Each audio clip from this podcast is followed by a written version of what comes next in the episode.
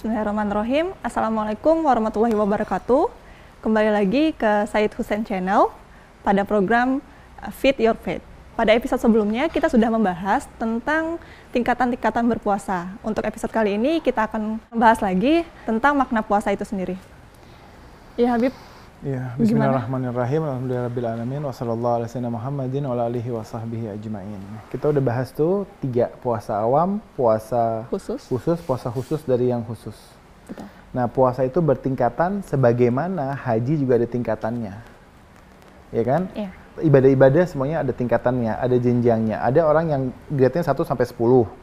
Mungkin dia cuma sampai di grade 4, 5, 6, 7. Kita maunya selalu apa pun tuh yang sempurna sebenarnya.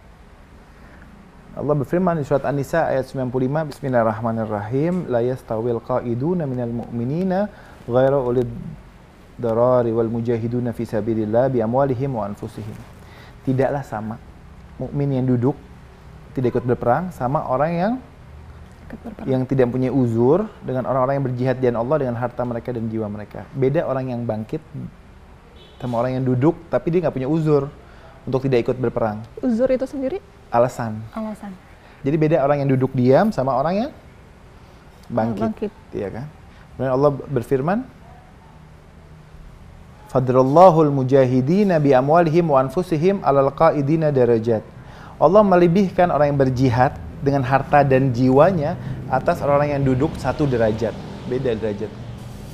Dengan harta dan jiwa. Allah nyebutnya pasti dua itu. Orang nggak bisa dengan saya beramal dengan harta saja, jiwa tidak saya tidak. Atau saya cuma jiwa saja, harta tidak, dua-duanya. Semampunya. Wa kullan wa'dallahu husna wa faddalallahu mujahidina 'alal qa'idina ajran azima. Kepada masing-masing mereka Allah menjanjikan pahala yang baik dan Allah melebihkan orang yang berjihad dari at- atas orang yang duduk dengan pahala yang agung. Beda orang yang bangkit, orang yang berjihad, orang yang syiar dengan orang yang tidak syiar. Jelas. Ini wa faddalallahu mujahidina 'alal qa'idina ajran azima ini nih cukup ini dalil untuk para wali-wali Allah. Mereka mengamalkan ayat ini. Allah mengutamakan orang yang berjihad. Jihad itu bukan cuma jihad perang, jihadun nafs, orang yang syiar, orang yang menghidupkan ajaran Allah, itu dia. Perang di jalan Allah maksudnya perang itu kan bukan berarti kita beradu. Iya fight gitu, Ah, battle gitu ah. enggak juga. Sama sekarang mungkin pertempuran di mana? Ya kita mungkin di Palestina misalnya. Mm-mm.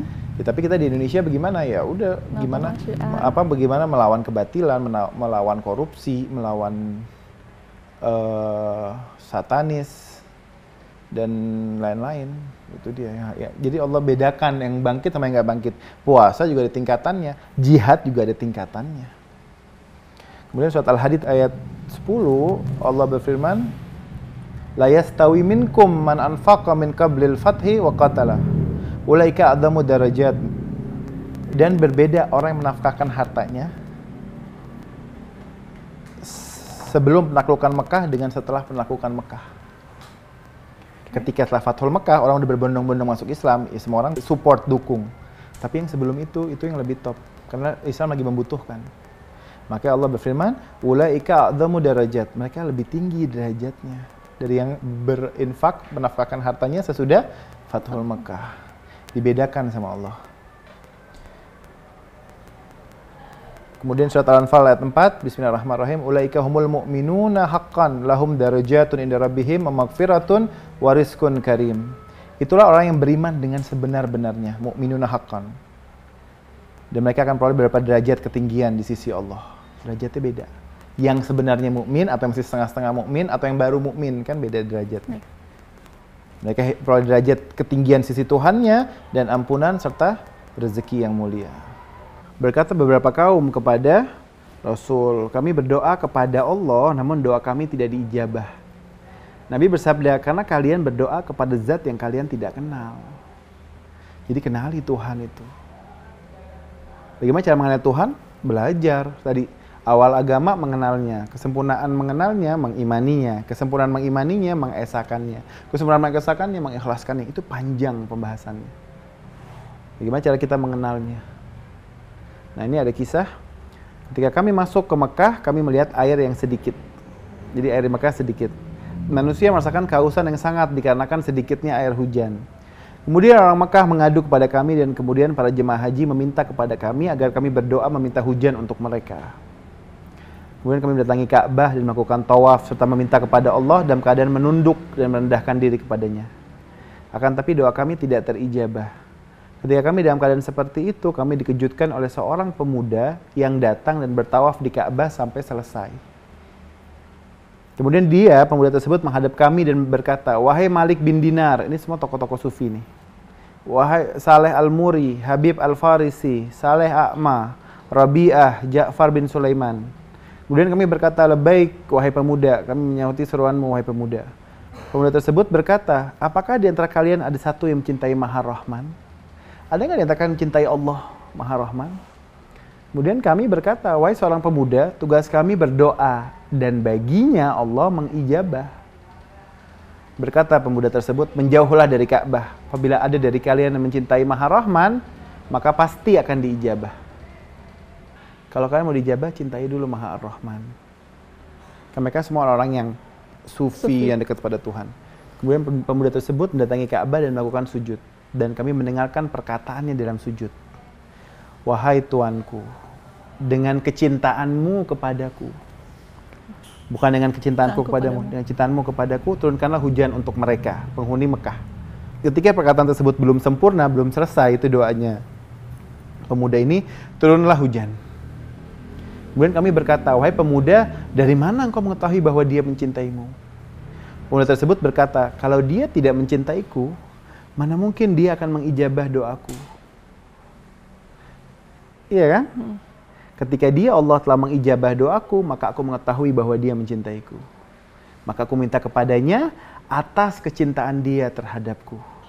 Berarti sebenarnya waktu dia berdoa pun dia gambling belum tahu apakah Allah. Enggak, dia sudah tahu Allah pasti akan mengabulkan pemuda ini. Karena dia tahu, karena saya mencintai ini, mencintai zat ini.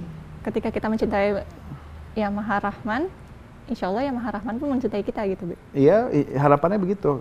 Turunnya kecintaan Allah kepada kita ketika kita cinta kepada Allah. Anda mau dapat gelar, saya saya cinta sama Allah, baru dapat gelar Al-Mahbub yang dicintai oleh Allah.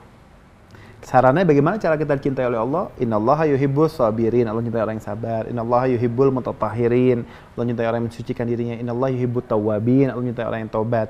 Innallaha yuhibbul mutawakkil. Allah mencintai orang yang tawakal. Itu banyak. Innallaha la, la yuhibbu. Allah tidak mencintai yang siapa?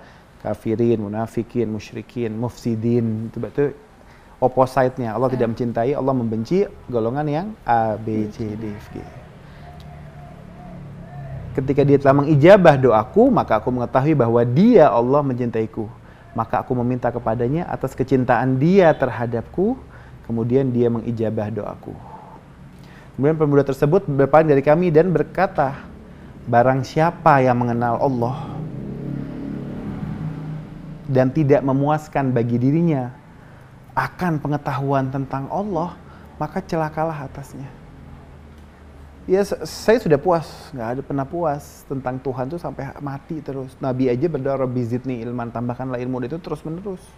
Kata di alam barzah pun Nabi ditambahkan ilmu oleh Allah.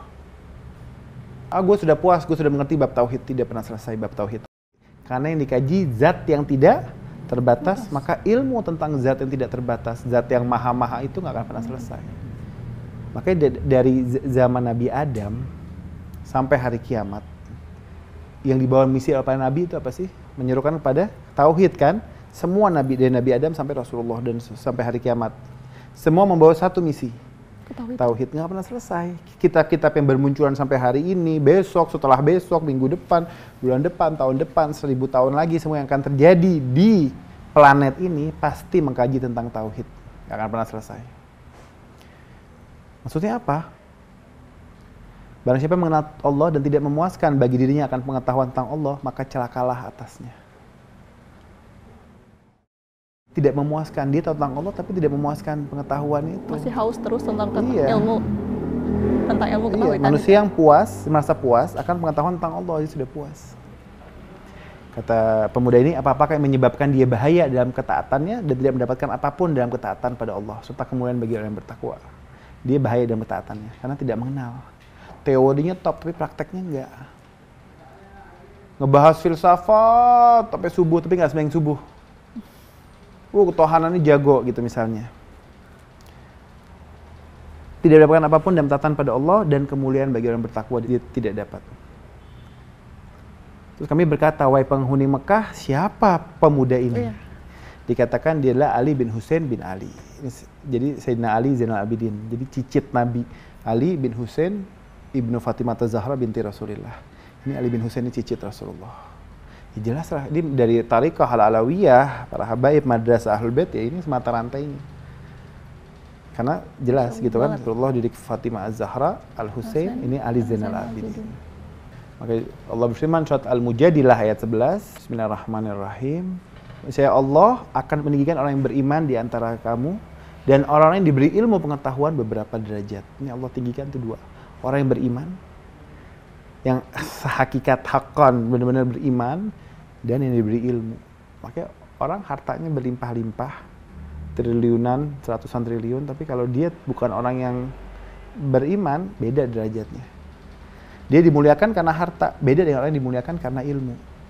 Difahami nggak? Iya, paham. Ya, maksudnya Allah mem- memuliakan. Makanya kata Nabi itu hadisnya tinta ulama lebih mulia dari darah syuhada. Cinta ulama. Tinta. Oh, tinta. Oke. Orang mati syahid selesai, tapi tinta ulama walaupun ulama yang sudah meninggal, tapi tintanya masih ada terus sampai hari kiamat. Orang masih bisa mengambil pelajaran dari kitab-kitab atau tulisan atau lembaran atau buku.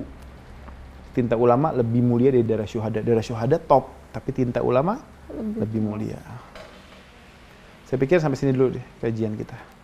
Baik Habib, terima kasih untuk penjelasannya. Alhamdulillahirrahmanirrahim. Untuk episode kali ini, kami rasa sudah cukup. Jika ada pertanyaan, silakan tulis di kolom komentar. Jangan lupa juga untuk like, share, dan subscribe. Jangan lupa juga untuk klik tombol lonceng. Wassalamualaikum warahmatullahi wabarakatuh.